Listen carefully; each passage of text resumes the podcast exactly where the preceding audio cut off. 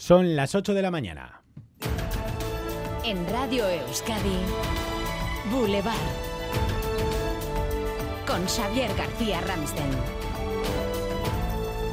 Egunon es lunes 5 de febrero, mañana de muy densa niebla en Vitoria-Gasteiz. Es la imagen a esta hora, pueden verla incluso en ETV2 si quieren. Parece que como ayer hasta mediodía, hoy no va a despejar en muchos puntos del interior. Hay mucha, mucha niebla. Arrancamos por lo demás otra semana de tiempo soleado y seco. Parece que hasta carnavales, para el final de la semana, se esperan, como no, las lluvias, em, clásicas lluvias que tendremos que combinar con los disfraces. Lluvias, en cualquier caso, este invierno más esperadas que nunca.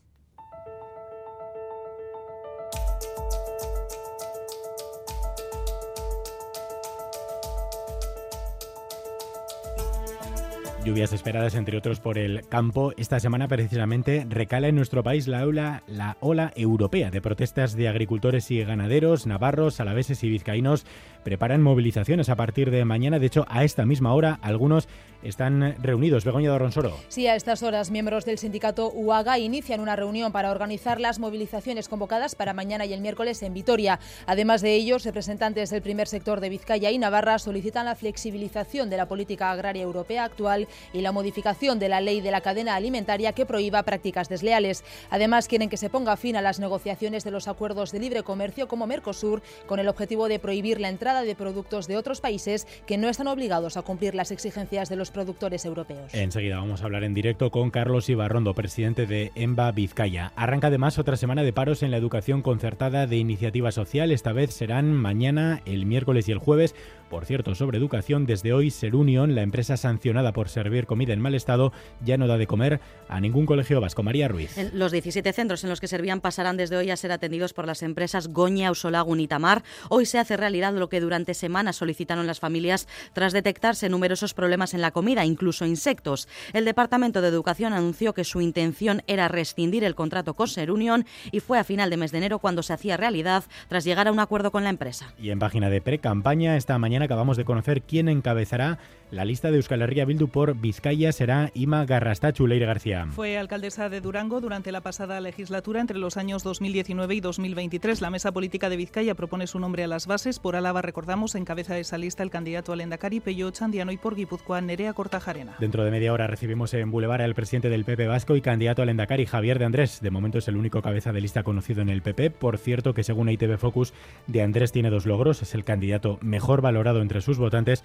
pero también el peor valorado entre los que no son de su partido. Javier de Andrés a las ocho y media en Boulevard y a las 9 con Eva Silván analizaremos los microdatos del Focus, el voto por edad, por sexo, situación laboral, las transferencias y fidelidad del voto, los pactos preferidos, tendencias electorales y estado de ánimo de los votantes. A partir de las 9 esa letra pequeña del Focus con Eva Silván, también con Juanjo Álvarez, Iñaki Soto y Lourdes Pérez.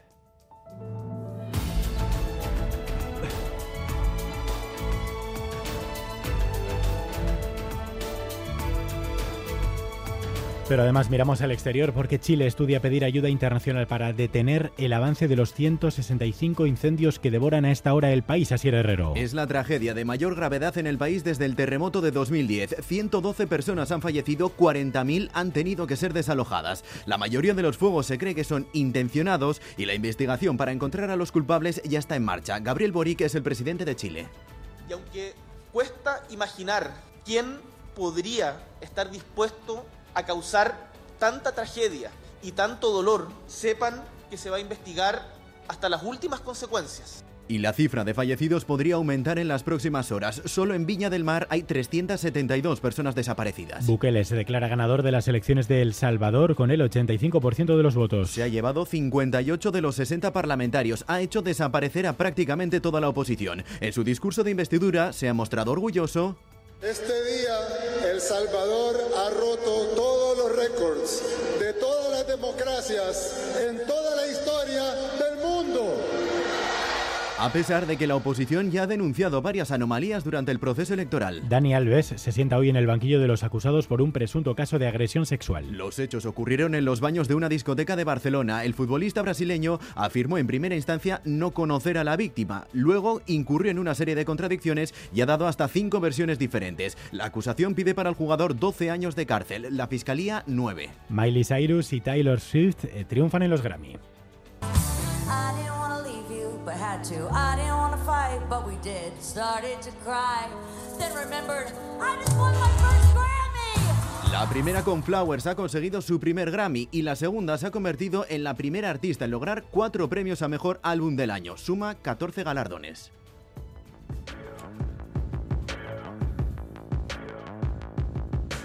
People dream high in the quiet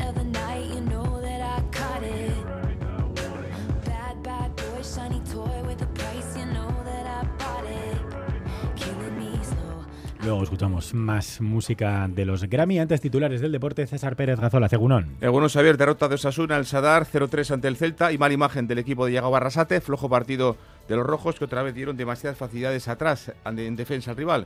El Junto Navarro vuelve a perder en casa tres meses después. Boulevard.